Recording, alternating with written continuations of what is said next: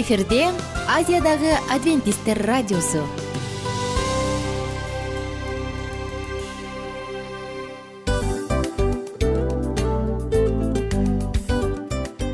Достор салют. Баардык сүйүктүү угармандарыбызга салам айтабыз. Кутман күнүңүздөр менен.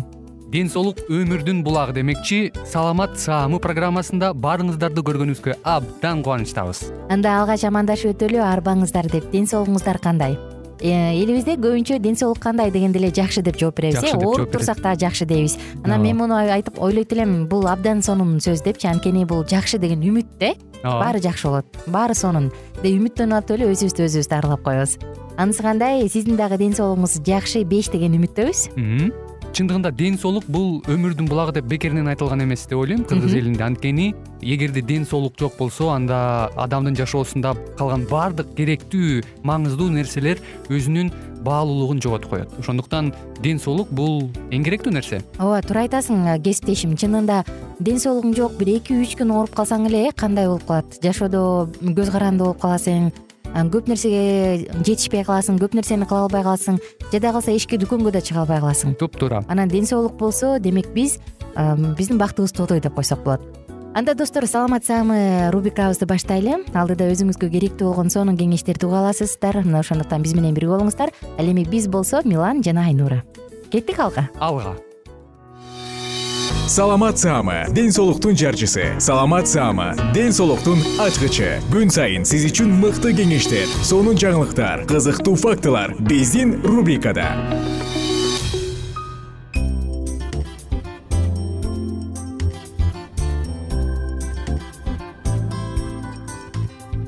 салам достор. Кутмандуу күнүңүздөр менен биздин кадырлуу замандаштарыбыз сүйүктүү угармандар жалпыңыздарга ысык салам айтып биз кайрадан саламат саама рубрикасын баштадык.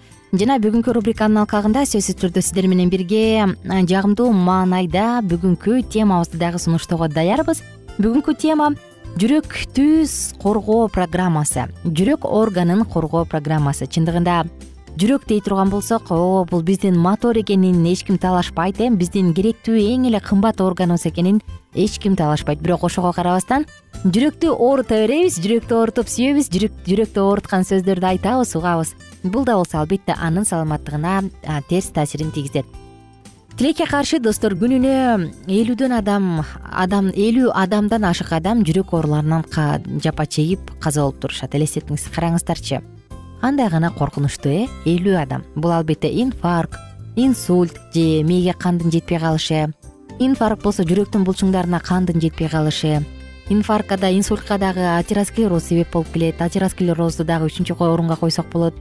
Ошондой эле жогорку кан басым беш миңдей киши жүрөк эмтик оорусунан операцияга муктаж. Бул дагы ревматизм аритмия миокардит эндокардит перикардит булардын баардыгы тең жүрөк ооруларын чакыруучу себептер эмесе бүгүн сизге биз жүрөктү кантип сактаса болот? Аны кантип суусундуктар менен дарыласа болот? Мына ушул жөнүндө сөз кылабыз. Негизи э, жүрөккө эң эле биринчи кезекте токтобой дайыма согуп туруу жардам берет. Эгер жүрөк токтоп калса ал билебиз э биз адам өзүнүн өмүрү менен коштошот. Ошондуктан достор жүрөк чындыгында дайыма эң эле оор нагрузканы сезип турат. Ойлонгонубузда биздин жашообуздан айтор баардыгынан тең тамактануубуздан дагы албетте. Ошондой эле азыркы заманбап жашоо образы анын көп талаптарына жооп бербейт э? Анткени коронардык артерия булардын баардыгы тең кан кан менен тамактанат. Жүрөктүн клапандары булар дагы сөзсүз түрдө маанилүү ролду ойнойт булардын баардыгы тең жашообуздун акырына чейин улам азая берет же алсыздана берет. Ал эми биз бүгүн сиздерге сунуштай турган жүрөктүн жүрөктө жүрөк органын коргоочу программа буларды болсо пайдалуу суусундуктардын негизине негизделген булардын баардыгында баягы туура эмес жүрөккө оорчулук келтире турган азык түлүктөр жок. Кайсы азыктар жүрөккө оорчулук жаратат дегенде эт каныккан майлар туз жана албетте кошумча кум шекерлер. Булардын баардыгы жүрөктүн оорусун начарлатат. Эмесе көңүл бура кетси нерсе бар бул оралдык антикоагулянттарды ичип жаткан баягы синдром же варфарин сыяктуу антикоагулянттарды ичип жаткан адамдар сиз бул программаны колдонордон мурун сөзсүз түрдө өзүңүздүн дарылап жаткан дарыгер менен кеңешиңиз андан кеңеш алыңыз андан соң гана эгер ал макул болсо гана ичиңиз. Биз сунуштай турган программа кимдерге тиешелүү? Жүрөк кан тамыр оорулары барларга жүрөгүндө кемтиги барларга аритмия бар жана жүрөгүндө жетишсиздиктер болгондор сөзсүз түрдө бул программаны колдонуп дарыланса болот бир күнгө сунушталган жүрөктү коргоочу программа. Анда жазып алыңыз жана өзүңүзгө сактап алыңыз. Таңкы тамакка сулуу сүтү. Керектүү ингредиенттер болгону гана сулуу сүтү. Мында эки жүз элүү миллилитрде жүз тогуз калорий бар. Холестериндин деңгээлин төмөндөтөт тамак сиңирүүнү жакшыртат жана тынчтандырат. Экинчи тамак. Инсульттан коргоочу сок деп аталат. Мында томат чеснок базилик негизги ингредиенттери эки жүз элүү миллилитр порцияда сексен тогуз гана калорий бар. Булар тромбоздун пайда болушунун алдын алат. Жана ошондой эле кадимки эле тромбтордун артерияларда форматташына жардам берет кан айланууну жакшыртат. Түшкү тамак. Ровный пульс же бир деңгээлдеги пульс деп аталган смози ингредиенттер шабдалы кактус апунцасынын жемиши соя сүтү ваниль эки жүз элүү миллилитр порцияда жүз жыйырма калорий бар. Булар дагы жүрөктү жана коронардык артериялардын баардыгын бекемдейт. Түштөн кийинки тамак. Жүрөктүн саламаттыгы үчүн сок деп аталган ширени сунуштайбыз. Ингредиенттер. Жаңы сыгылган лайм ширеси савойск капустасы жана кокос сүтү. Эки жүз элүү миллилитр порцияда элүү тогуз калорий гана бар булар холестеринди төмөндөтөт жана инфаркт миокардына калуу коркунучун дагы төмөндөтөт. Кечки тамак. Томат коктейли деп аталат. Мында ингредиенттер тамак ширеси лимон ширеси жана кайен переци керек. Эки жүз элүү миллилитр порцияда сексен калорийге жакын калория бар. Мында болсо томат жана лимондун ширеси канды суюлтуучу касиетке ээ ошондуктан жүрөктүн приступтарынын баардыгын алдын алганга жардам берет ошондой эле достор жүрөккө мындан тышкары эмне пайдалуу? Сөзсүз түрдө. Эт өзгөчө кызыл эттерди каныккан май туз жана кошулма сахарлардын баардыгын тең тамактан рациондон алып салыш керек. Экинчиден регулярдуу түрдө физикалык көнүгүүлөрдү жасоо маанилүү. Чылым чекпеш керек. Артериалдык кан басымды дайыма көзөмөлдөп туруу зарыл жана курсактын объемун сөзсүз түрдө көзөмөлдөп туруу маанилүү. Мына достор ушундай э, сунуштарды эске алуу менен сөзсүз түрдө сиздин жүрөгүңүз сүйүп күйүп көп жылдарга чейин сизге сөзсүз түрдө кам көрүп бере алат. Оорудан оолак болсоңуз деле жылына бир жолу жок дегенде дарыгерге көрүнүп кан басымды өлчөтүп туруңуз. Кан басымынын нормасы бул жүз токсон токсонго жүз кырк же жүз кыркка токсон миллиметрден төмөн болушу керек. Тамеки тартпаш керек. Булар дагы адамдын дал ушул кан басымын жогорулатып жүрөктө ооруларды пайда кылат атеросклероз оорусун дагы үч эсе көбүрөөк пайда кылат караңыздарчы жөнөкөй гана чылым. Калориялуу тамак аштардан баш тартыңыз сергек жашоо образы менен жашаңыз. Күнүнө жети сегиз жолу жети сегиз саат жетиштүү уйкуда уктаганга аракет кылыңыз. Дагы айта турган болсок эмнени айтсак болот? Өзгөчө кеңседе отуруп иштегендер аз кыймылдайт эмеспи. Алар жок дегенде күнүнө кырк төрт мүнөттөй жөө басып же чуркап турушу керек зат менен кан алмашууну жакшыртып кан тамырлардын серпилгичтигин жоготпой ийкемдүү кылып туруш үчүн аларга дагы негизи эле адамга физикалык кыймыл керек. Ошондуктан достор кыймылдаңыздар. Бекер айтылбаса керек. Кыймыл бул жашоо деп э? Ошондуктан кыймылдаңыз сүйүңүз сүйүктүү болуңуз жана жүрөгүңүз оорубасын колдон келишинче жогоруда айтылган азык түлүктөрдү колдонуп өзүңүздүн моторуңуздун саламаттыгы үчүн күрөшүңүз мен болсо сиздер менен коштошом. Кийинки уктуруулардан кайрадан амандашканча сак саламатта туруңуздар. Күнүңүздөр көңүлдүү маанайда улансын. Бай болуңуздар бар болуңуздар.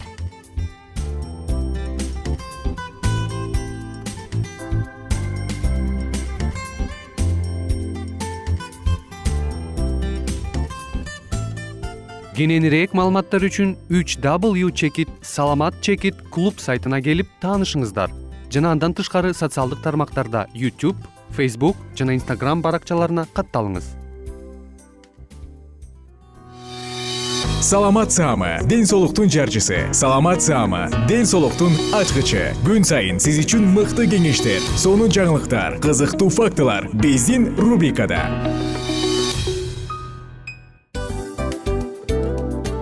Салам достор.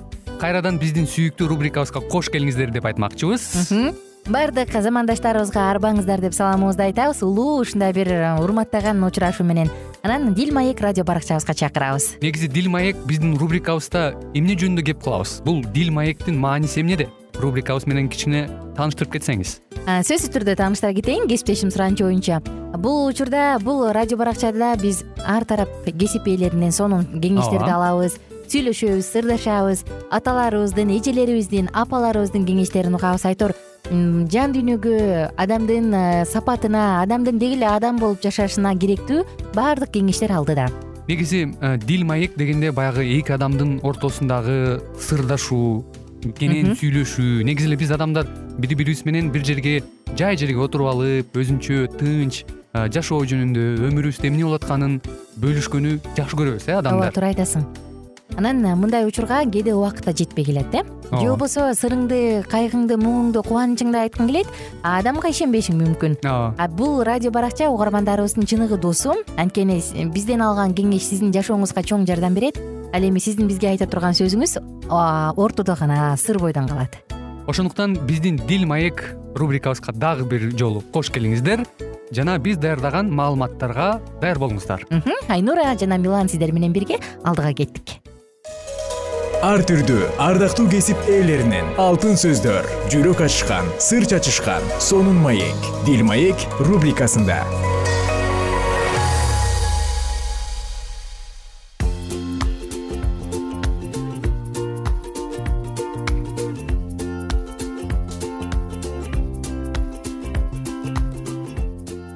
Саламатсыздарбы достор жалпыңыздар менен амандашып биз жагымдуу саатыбызды баштадык. Дил маек уктуруусу кайрадан эле биз сиздер менен дил маек уктуруубузду баштамакчыбыз. Ал эми урматтуу угармандарыбыз биздин ободон алыстабай дал ушул мүнөттөрдө биз менен биргеликте кала бериңиздер. Кызыктын баары алдыда. Жана достор биз үй бүлөдөгү конфликтти кантип чечиш керек? Мына ушул жөнүндө сөз кылып атканбыз э? Бүгүн биз чечүүнүн ыкмаларын психологдор кандай эмнени сунушташат? Мына ошол жөнүндө сөз кылалы деп турабыз. Негизи алардын айтымында конфликт эмнеден келип чыкты? Биринчи анын себебин аныктап алгыла дейт да кээде баягы туура эмес көз караш башталды. Анан аягында таптакыр башка сенин ата энеси бир туугандары менен аяктап бүтүп калат го. А бирок андан эмес дейт. Эмнеге сен менин бир туугандарыма тиешесиң эмес? А эмнеге сен мени жаман көзүң менен карадың деп тиги конфликттин негизги себебин билип алыш керек дейт да.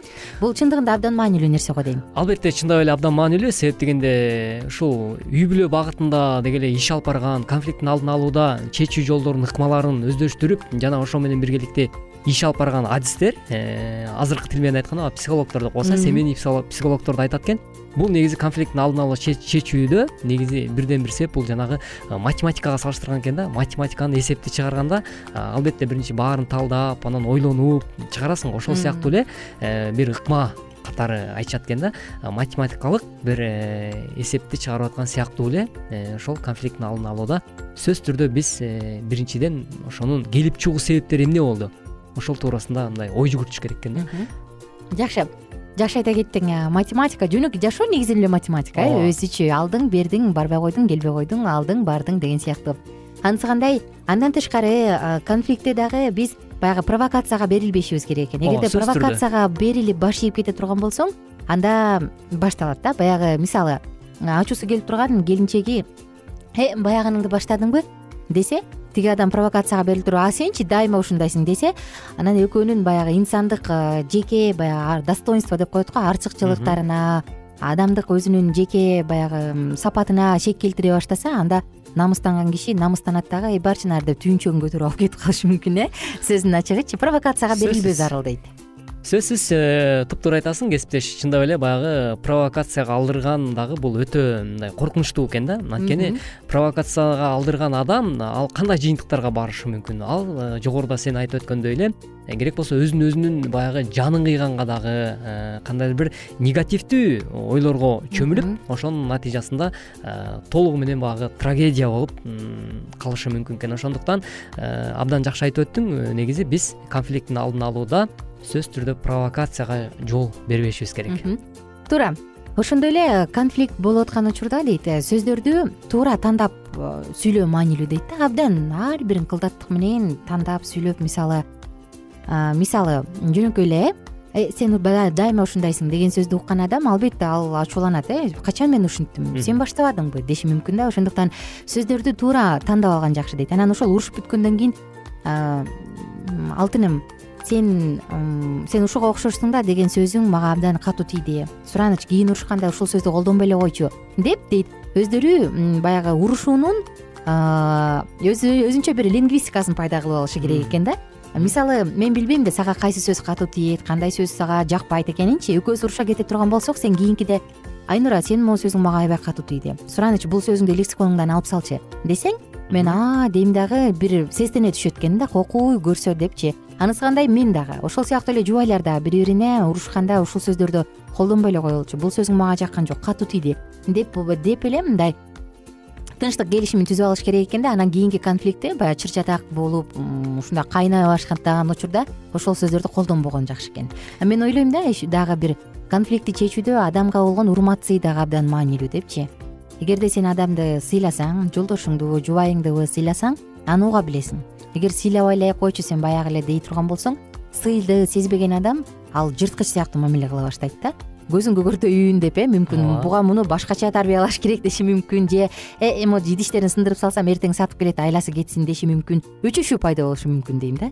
Албетте өзүң айткандай эле баягы ошондуктан э, сый урмат жөнүндө да айтып өтпөдүңбү анан чындап эле баягы элибизде да айтылып келет э, сый бул э, сый сыр аякка бал деп коет анысы кандай сый урматка ээ болуш үчүн сөзсүз түрдө биз ошол бири бирибизге карата болгон э, ошол сөздү колдонууда э, чындап эле абдан жакшы айтып өттүң. Э, ар бирибиз ошол мисалы үй бүлөлүк турмушта эмне деп сүйлөп жатам кайсыл сөздү айтсам катуураак жубайымдын көңүлүн оорутканга тете болуп калбайбы деп ой жүгүрткөн албетте бул туура. Байкасаң тилекке каршы тескерисинче көпчүлүк уруш болгондо эптеп басынтайын эптеп ким жагын айтайын эптеп анын үстүнө мындай жеңишке ээ болоюн деген кызыкчылык көбүрөөк өкүм сүрүп калат. Баягы кемчилигин көрө эле ошону эле чукуй берейин деген нерсеге бир басым оозун жаап калайын деп коет ооба. Мындай тил менен айткандачы унчук сөз айтканга сөз таппай калсам муну бир отургузуп коеюн деген сыяктуу мындай кандай десем бир өзүнүн кызыкчылыгын көздөппү же адамдын жан дүйнөсү менен эсептешпейби ушундай мамиле кылганда чын эле берки адам мүмкүн чын эле оозу жап болор бирок кийинки жолу ал сени мурдагыдай сүйбөй мурдагыдай сыйлабай калышы мүмкүн э? Ошондой эле психологдор дагы эмне дейт?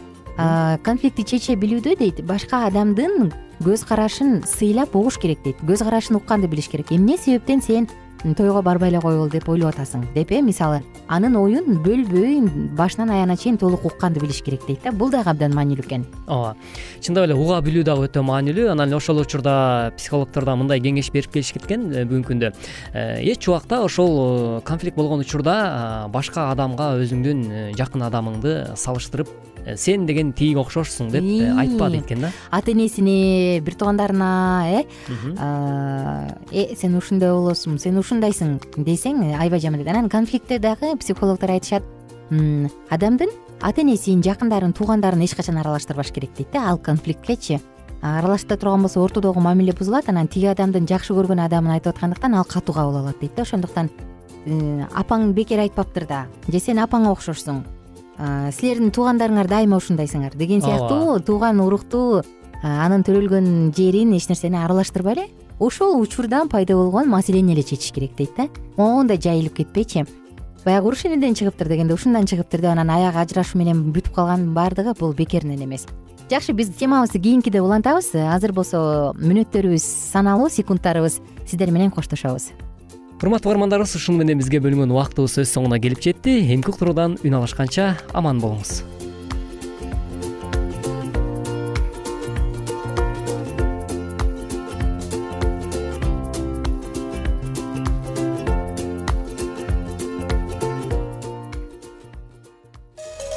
ар түрдүү ардактуу кесип ээлеринен алтын сөздөр жүрөк ачышкан сыр чачышкан сонун маек. Дил маек рубрикасында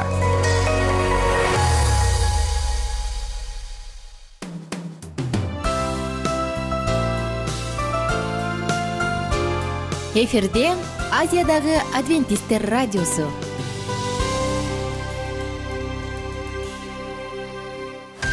Жан дүйнөңдү байыткан жүрөгүңдү азыктанткан жашооңо маңыз тартуулаган жан азык рубрикасы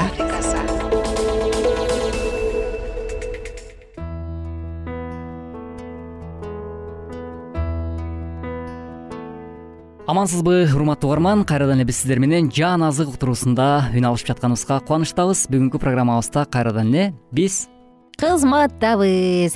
Менин аты жөнүм айнура кесиптешим улан. Сиздер менен бирге кайрадан үн алышканыбызга абдан кубанычтабыз.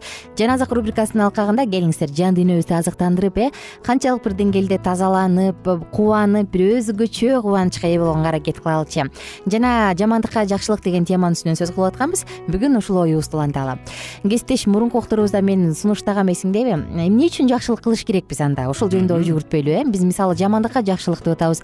Оң бетиңди чапканга сол бетиңди тосуп бер дейбиз. Ыйса машаяк улуу ушундай белгилүү инсан ал айткан экен сен менен бир чакырым бас дегенди менен эки чакырым бас дейт. Үстүңдөгү көйнөгүңдү сураганга ичиңдегини да чечип бер дейт. Карачы э мисалы карап отурсаң анда магачы мага эмне пайда? деп сурагың келет да. Анда эмне үчүн биз жамандыкка жакшылык менен жооп беришибиз керек? Мындан бизге кандай пайда? Мунун эмне жакшы жагы бар? Кел ошол жөнүндө сөз кылып көрбөйлүбү ооба э, эң сонун болот туптуура айтасың кесиптеш чындап эле бул дагы бүгүнкү күндө мындай чоң суроону жараткан мындай глобалдуу көйгөй десек мен жаңылбайт болушум керек себеп дегенде эмне үчүн жамандыкка биз жакшылык менен жооп кайтарышыбыз керек деген суроонун өзү эле мындай адамды аябай ойлонтот да. Анткени э, кээде бизде суроо жаралат го. Мен дайыма эле э, жакшылык кылып жүрөм дайыма эле туугандарыма мен эмне?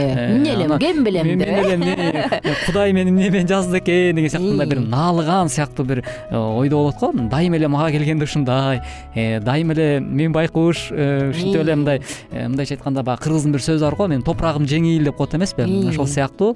Э, дайыма мен жакшылык кылсам деле мен э, мындай почетный место да эмесмин деген сыяктуучу баягы дайыма мен элдин аягында жүрөм. Ооба. Э, дайыма эле ушу тууган уругум үчүн күйүп пышып жүрсөм кызмат кылып жүрсөм. чай куйган мен отун жарган мен э. кызмат кылып жүрсөм деле мени эч ким көрбөйт деген сыяктуучу бирок мен ойлойм ошондой ойдо болгон адамга айткым келет эле да. Тескерисинче сиз бактылуусуз депчи эгерде сиз көрүнбөгөн ишти кылсаңыз дайыма эле сизди эгерде баалабаса барктабаса албетте мунун дагы э, эки тарабы бар. Бирок ошол учурда эгерде сизди бүгүнкү күндө балким барктабай жатабы бүгүнкү күндө сизди сыйлабай жатабы а бирок сөзсүз түрдө э, баягы сый урматка кадыр баркка ээ боло турган дагы учур келет. Ошол күн дагы алыс эмес экендигин унутпаңыз деген ойду айткым келип атат да. Анан ушундай сен айткандайчы кызмат кылуудан кубаныч алгандар бар кызмат кылууну милдет кылып жаман көргөндөр бар э? Ушул жерден эле мен кайра айтат элем биздин баалуулугубуз эмнеде? Биздин жашообуздун маңызы эмнеде? Бул дагы абдан көз каранды болуш керек да. Эгерде биздин жан дүйнөбүздө биздин жашообуздун маңызы эптеп эле абройлуу болуп төрткү төргө отуруп майдан чайнап чай ичиш керек болсо анда мен ойлойм кызмат кылганы ал үчүн кыйын эле болот деп. Эгерде кылганым кызматым кудай үчүн жок кудай үчүн кылам десек анда бул жакшы болуш керек. Ошол бир уктуруубузда сен э, пабыл элчи жөнүндө бир айта кетпедиң белең сөздөрүнчү ошол адам айтат да эмне кылсаңар да баарын кудай үчүн кылгыла дейт да. Мен ойлойм ушул бизде жакшылык кылууга мотивация берүүчү нерсе ушул болуш керек дагы депчи эгерде жок мен сыйлыгын азыр албасам мейли. Адамдар көрбөсө мейли түшүнбөсө мейли. Бирок мени кудай көрөт. Анан кийин сыйлыгын мен бейиштен алам десекчи анда мен ойлойм бизге оңой болот рак болуш керек да жакшылык кылышчы мындай оор болсо дагы бирөөз бизди кубандырган үмүт болот болуш керек деп ойлойм да. Мисалы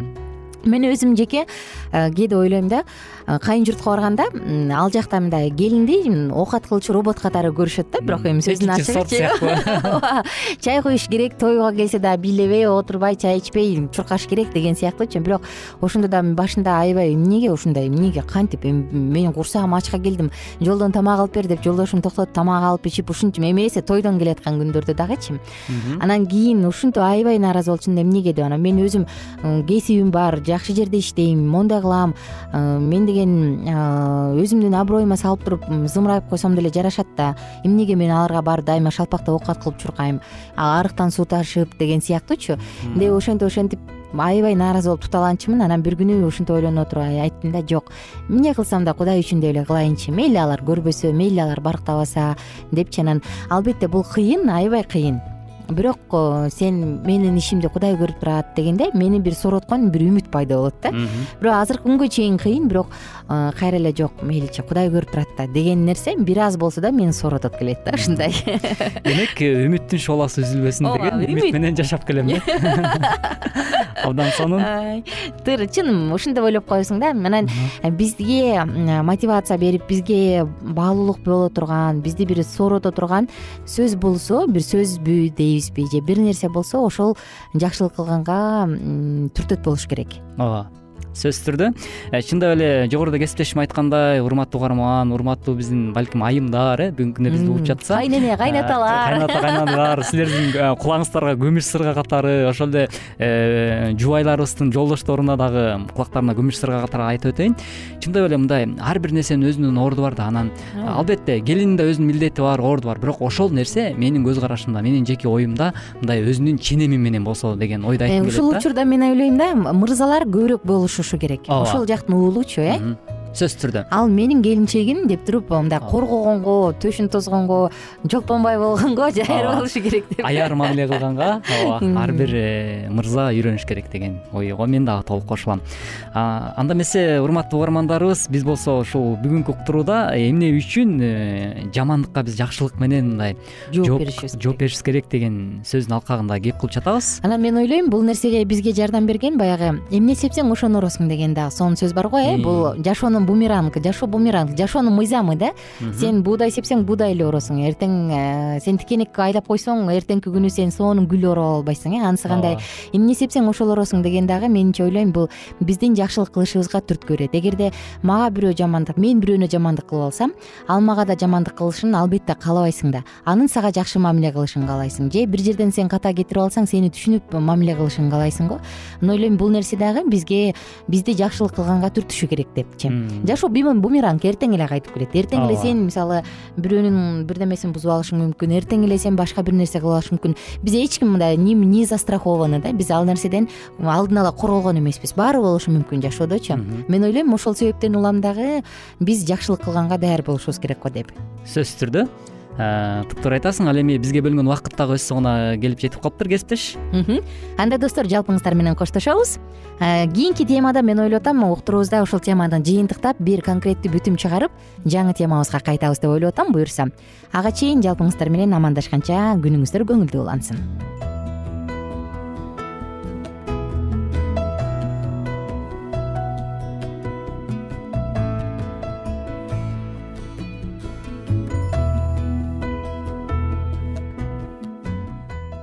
эгер сиздерде суроолор болсо же көбүрөөк маалымат билем десеңиз анда биздин whatsapp номерибизге жазыңыз. Плюс бир үч жүз бир жети жүз алтымыш алтымыш жетимиш. Кайрадан плюс бир үч жүз бир жети жүз алтымыш алтымыш жетимиш